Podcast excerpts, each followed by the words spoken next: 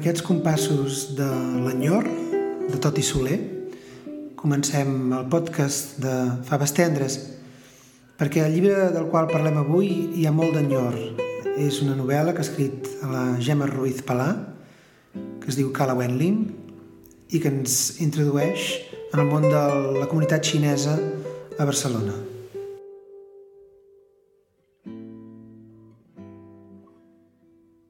Som amb la Gemma Ruiz, eh, que acaba de publicar una novel·la, Cala Wendling, a Proa. Som al bar de la central del Raval, amb ella parlant... Eh, és el primer podcast del, del suplement Faves Tendres. Carai, quin honor! Eh?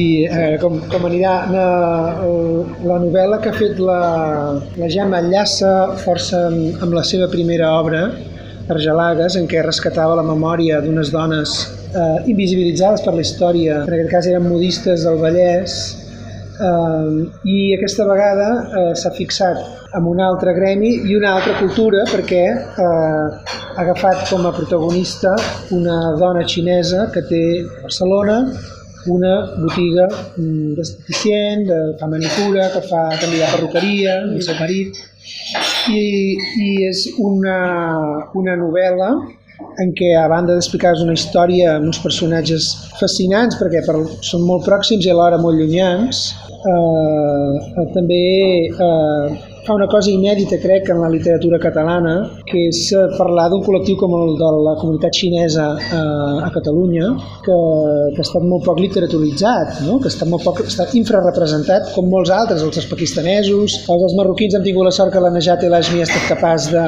de parlar en, en primera persona d'aquest col·lectiu, no? però, però sí que és veritat que, que en el cas dels xinesos no hi havia res, no? I, en molts altres tampoc, que és, l'esforç aquest trobo que ets molt meritori i és, i és molt nou, no? Doncs eh, meritori no sé si ho diria perquè meritori m'agradaria que fos que com a societat sí. fóssim capaços d'engegar aquest ascensor social que ens ha quedat encallat i que les persones de segona generació que van venir de la Xina o que ja van néixer aquí però amb orígens en un altre lloc, digue-li la Xina, digue-li el Perú o altres llocs, vagin a la universitat o no, escriguin i nosaltres els escoltem i callem. És a dir, serà meritori quan aquest llibre en, diguéssim, no, no, no calgui. Saps? Que seran les noves generacions les que poden parlar del seu procés migratori o del que vulguin, amb els orígens d'on sigui, de la Xina o del Perú o del Pakistan, siguin els que agafin la veu. Com a societat eh, tindrem cara i ulls quan donem l'altaveu a a, als nostres conciutadans que no són només blancs i d'orígens catalans o espanyols com està passant fins ara en la nostra literatura, excepte algunes uh, grandíssimes i super excepcions com, com la Najat El Hajmi. Llavors sí que com a societat tindrem algun mèrit. Sí. De tota manera, dintre d'aquest uh, microcosmos que crees a, a, a la perruqueria o a la botiga de manicures, diguéssim, de la, de la Wendy, i fiques també tota una sèrie de personatges eh, que són molt locals, una mena de cor de teresines, podríem dir, d'una sèrie de dones que, que tenen... Eh, són com un cor, no? I, i que donen un contrapunt el, els personatges de la família de la Wendy, que són el seu marit, la Wendy i els dos fills, no? Um, per tant, sí que també és una novel·la escrita des, de, des del coneixement del teu propi país. No? Totalment. Jo tampoc um, vaig anar amb molta cura de no usurpar la representació, és a dir, no hi ha, no hi ha un narrador o una narradora omniscient que ho sap tot dels que van venir d'aquí, dels que som d'aquí, no. Així com Argelaga sí que jo podia a parlar de la meva tribu, diguéssim, també amb molt estudi, eh? perquè també vaig haver d'estudiar molt guerra i postguerra, eh? I història de Sabadell, del tèxtil, que no sabia. Però eh, estava envalentonada per poder parlar com una narradora que ho sap tot. Aquí necessitava que la narradora eh, estigués present i fos a través de la seva conscienciació i la seva descoberta eh, que expliqués aquesta història, perquè eh, jo no puc parlar per, per, per ells. Per això et dic que el mèrit serà quan la gent pugui parlar per ella mateixa. Però, tot i així, tant com em van interessar les persones que viuen a la nostra ciutat, que són les nostres veïnes, amb qui diem, amb qui els hi comprem les taronges, el pa o anem a fer els cabells, m'interessava posar-los en primer pla, perquè és aquell personatge desenfocat de les pel·lícules, no?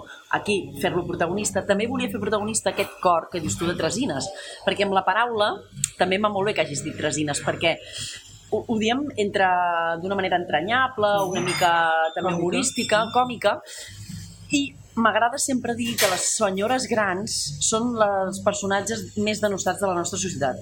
Els diem tresines, els diem tietes, en, en fem broma, però no les escoltem ni posem valor en el que ens han de dir. I per tant, m'anava molt bé que en aquest cor que batega, que és la perruqueria, donar veu tant a les persones que van venir de fora, que no els hi donem la veu o els hi donem de manera escarnida racista, o i donar veu a les senyores grans que també eh, tenim molt camí per córrer per la, pel reconeixement que jo crec que, que, que es mereixen i que no tenen. Sí, sí, sí. Llavors, mira, Abans de continuar amb el tema xinès, un, una petita prèvia. Parles d'aquest cor de, de, de dones que tenen una dimensió molt teatral dins la novel·la i jo penso que, que la Cala Welling és una obra que es podria adaptar al teatre fàcilment, tu que has cobert molt el teatre català. que això m'ho deien Arge- amb Argelagues i, i eh, vés a saber si surt alguna coseta, ja m'agradaria, però saps que jo no ho sé mai veure, és a dir, no ho sé mai veure.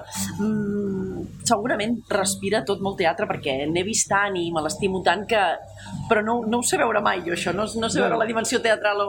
Clar, el que, el que tens és una gran capacitat per restituir les veus, no? És a dir, tens una, ets una, una persona que escoltes eh, converses que passen al voltant teu i, i tens una antena posada. Això es nota molt perquè fins i tot la protagonista del llibre quan va a la, per, a la perruqueria doncs fa veure que llegeix però en realitat està escoltant eh, les converses que, que, té, que té al voltant.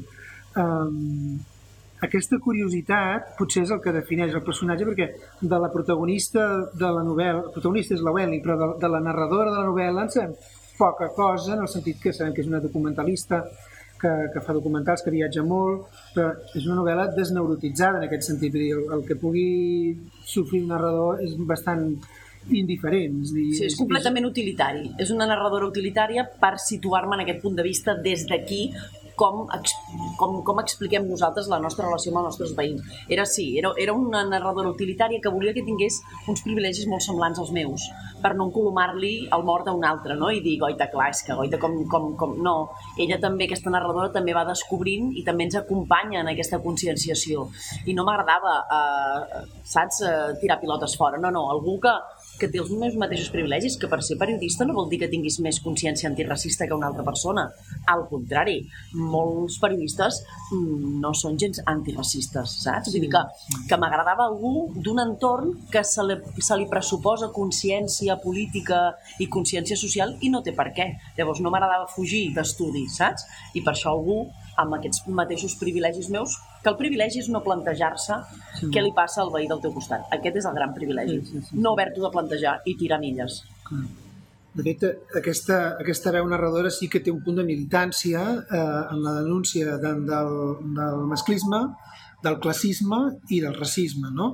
En el cas del, del sexisme, doncs, eh, ben parles d'alguns personatges perseguits pels seus marits, o... però clar, sobretot se centres en el, en el, en el racisme que eh, bé, tenim envers, per exemple, la comunitat xinesa, no? En un moment en què el coronavirus justament posa molt d'actualitat aquesta novel·la, perquè... Si ens pensem eh, que no, només mirem que diguéssim hagin que- persones que hagin hagut de penjar cartells dient no sóc un virus, és perquè les hi hem tractat, no?, de virus. Llavors no cal dir gaire res més. I el que m'ha fascinat del llibre és que el títol ja ho porta, Kala, Welling, i el Kala, que és una expressió molt eh, arrelada, diguéssim, molt catalana, i el nom de la Welling, que és un nom xinès, i, i una mica descriu molt bé l'operació que tu fas a la novel·la, que és que parles d'un món que ens és bastant aliè a la majoria de catalans, però ho fas amb una llengua absolutament eh, genuïna, amb, amb, amb una gran... Eh, és a dir, que, que encara que sigui una cosa que podria semblar una crònica, defuges el registre periodístic per realment eh, eh, entrenar el, la, la llengua, diguéssim. Uh, el que m'ha interessat més és que ets una escriptora uh, que no ets d'adjectiu, ets de verbs. Ah, mira, m'agrada això. ets De, sí, és a dir, les teves frases el que, el que crida l'atenció és el verb, no l'adjectiu. És a dir, hi ha una, una exploració de verbs impressionant i, i moltes vegades fas algunes paràfrasis que, que, que, que m'he he apuntat fins Tu i ets tot. filòleg, perquè- no, Bernat? Sí, es no, nota, es nota. que hi ha un moment que en lloc de dir fer callar dius estroncar la rondinada, per exemple, no? I que hi ha moltes uh, expressions que, que, estan, que pivoten en el verb, no? que... Sí, sóc una persona d'acció. Sí, sí, sí. I, i aleshores eh, m'ha fascinat això, que no hagis renunciat a un català que un taxista et diria que és muy cerrado, eh? que diria, usted no és de Barcelona. Eh? és de muy lejos, no? Exacte. Soc de mitja hora de Barcelona. Exacte. Amb, amb un món on el català només és present a través dels fills de la Welling que hi han anat a l'escola i aquí ets molt optimista, que aquests nens parlen un català i ho entenguin tot. Vull dir, és així? Has vist... Eh... A veure, mm, el, cat el català està a l'escola, el castellà és el rei del pati, això ho sabem tots.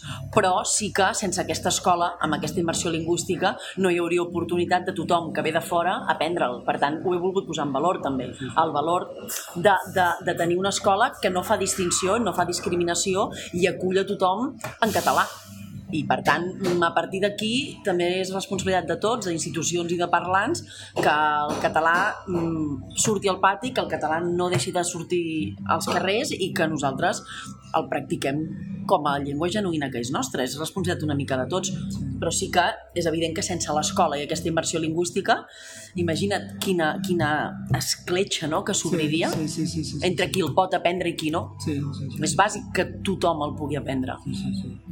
No, i aquí, per tant, tenim una generació que és aquesta que dius que potser més endavant podria explicar la seva versió Exacte. De, del que és ser xinès a, a Barcelona o a Catalunya, no? Uh, en el cas de la Welling és un personatge a mi prou fascinant, uh, filla d'uns pares uh, separats, uh, que desproveïda de la, de la mare des de molt petita, que després fins i tot no pot eh, mm, cuidar els seus fills quan són petits i els ha de deixar amb el pare i la sogra. Això passa tant, a totes eh, les famílies xineses que venen aquí a Europa. Que, sí, sí. Per tant, un quadre tremendo com a família eh, d'això i, i que en certa manera mm, posen en evidència les dificultats amb què els xinesos s'han vist eh, obligats a viure aquí, però també parles molt de, dels xinesos que van als Estats Units, i has estudiat bastant per, sí. per algun de les, de les uh, referències que fas a la novel·la el cas del, de l'Exclusion Act, no? Sí, aquesta primera diàspora i més nombrosa i més estudiada, que és la diàspora xinesa a Amèrica, és la que marca també els clitxers que nosaltres heretarem i amb els quals continuem encara tractant a les persones que venen de la Xina a, a Europa. Per tant, era molt important estudiar-la i saber d'on ve aquest eh, prejudici, aquest estereotip, aquest clitxer de que si no es relacionen, que si... Clar, hi ha tota una herència de protecció i de supervivència que t'hi va la vida en aixecar la veu o no aixecar-la, que és importantíssim de saber. Hi ha tota una sèrie d'idees preconcebudes que ens pensem que quan les diem amb tota la carregats de raó i no és així. Llavors, clar, mm, les diàspores tenen tenen moltes connexions i, i les experiències de migració corren dels uns amb els altres i la cosa és arribar a un lloc, no fer soroll perquè no t'emprenyin i no t'hi vagi fins tot la vida. Llavors això, quan ho descobreixes, fa bastant mal, eh, de dir, ostres, um, nosaltres amb quina lleugeresa i amb quina carregamenta de raó diem que els xinos, els xinesos són callats, quan no sabem d'on ve aquest silenci. Primer, de la dificultat d'aprendre llengua quan estàs treballant 12 hores al dia, 6 dies a la setmana. Això per començar, això ningú ho pensa quan diu que no es volen integrar. Que, que, però, però quina santa vergonya tens de dir que no es volen integrar algú que és que no té més eines, venen a treballar primer, prioritàriament. I segon, no saber d'on ve aquest silenci. És un silenci forçat, és un silenci que té una experiència de maltracte, d'exclusió i de, i de linxament claríssims no? en el segle XIX i, i, i a principis del XX Amèrica. Per tant, sí, bé, sí, a mi em va obrir els ulls i espero que mm, no obri uns quants més. Hi ha, hi ha un lema que es va repetint al llarg de la novel·la que és aquest de no fer-se veure, no fer soroll o despertar la bèstia, protegir-se, anar tirant. Eh? És a dir, que és una mica el tarannà dels xinesos eh, a darrere hi ha aquesta... Hi ha aquell perill, aquell impera, imperatiu, imperatiu no? que ve d'un perill que és que el maltracte que, es va, que els van infligir amb la primera llei racista sí. de la història de la humanitat, sí, sí, sí, sí, amb la qual es va inspirar Hitler després sí, per sí, fer les seves lleis antisemites. Sí, és que, sí. atenció, eh? Sí, sí, sí, sí, estem parlant de... Que, no, que això és una cosa que majoritàriament no es coneix i a mi em sembla que és bastant necessari i important que se sàpiga. Sí, sí, sí. Um, penso que és una novel·la que si no tingués la, la gràcia uh, en què fas parlar els personatges eh, la factura que, lingüística que té, eh, que, que crec que és de, de, de molt voltatge, eh, podria, podria corre el perill de caure amb el pamflet, és a dir, tens un punt de denúncia, de, de, de posar en, en, sota, sobre el focus, diguéssim, una sèrie d'injustícies que evidentment la novel·la ha d'explicar, però si no hi hagués tot aquest revestiment podríem, podríem pensar que això és un, un al·legat doncs, contra el racisme i és molt més, no? perquè hi ha uns personatges, hi ha tota una, una vida al voltant d'aquesta gent de què parles i, i a mi m'ha fascinat doncs, això, el verisme no? de, dels diàlegs, la, la capacitat per, per fer parlar eh, aquesta gent. Hi ha una amiga de la Wendling que, que té un castellà una mica més sofisticat perquè ja fa el subjuntiu, va estar més anys aquí. La Wendling no ha arribat a, a temps potser per desenvolupar el subjuntiu, no? que és una cosa que també és molt interessant en el moment que fas una reflexió sobre el subjuntiu. No? Sí. Què vol dir tenir un subjuntiu? No? Sí. Uh, i, i l'altra cosa és això, no? d'evitar, de, de, l'altra cosa que crec que evites amb, fent parlar també els personatges catalans que fan de contrapès és no caure en l'exotisme. Clau, i això ho tenia claríssim. Això és, és molt perillós. Això també estudiant una mica tots aquests referents que m'ajudessin a explicar de la millor manera la història que jo volia explicar, he estudiat molt què és l'orientalisme, tota la toxicitat que ens ha comportat l'orientalisme cultural que hem, que hem mamat dels quadres dels orientalistes, dels relats dels viatgers orientalistes, de les pel·lícules que han viscut aquest univers de fanalet vermell, eh, què et diré, el gong i, i el maquillatge i els vels i totes aquestes, eh, aquests accessoris que en el fons només deshumanitzen les persones de qui estaven parlant, no? Llavors, caure en l'exotisme, eh, clar, va de retro satanàs. No, no, aquesta novel·la no, no tindrà un gat que mogui el braç. No té un faralet vermell, perquè són catalans com tu i com jo, però que van venir d'un altre lloc molt més llunyà del que van venir, per exemple, les meves besàvies, no? És una novel·la que parla de barcelonins d'avui en dia que tenen un origen bastant més lluny, però no els diferencia res més. És, el, el, la, la humanitat s'ha mogut sempre per anar a buscar les garrofes. Els meus besavis, els, els primers, no? Llavors, clar, mm, per què eh, hi hem de posar aquests vels orientalistes? Al final només deshumanitzen i creen com, unes, com uns col·lectius de ficció que, escolta'm, és que són, som, som tots de la mateixa pasta, eh? no, no hi ha misteri. Clar aquest misteri a mi no m'interessa per res, al contrari, m'interessa derrocar-lo.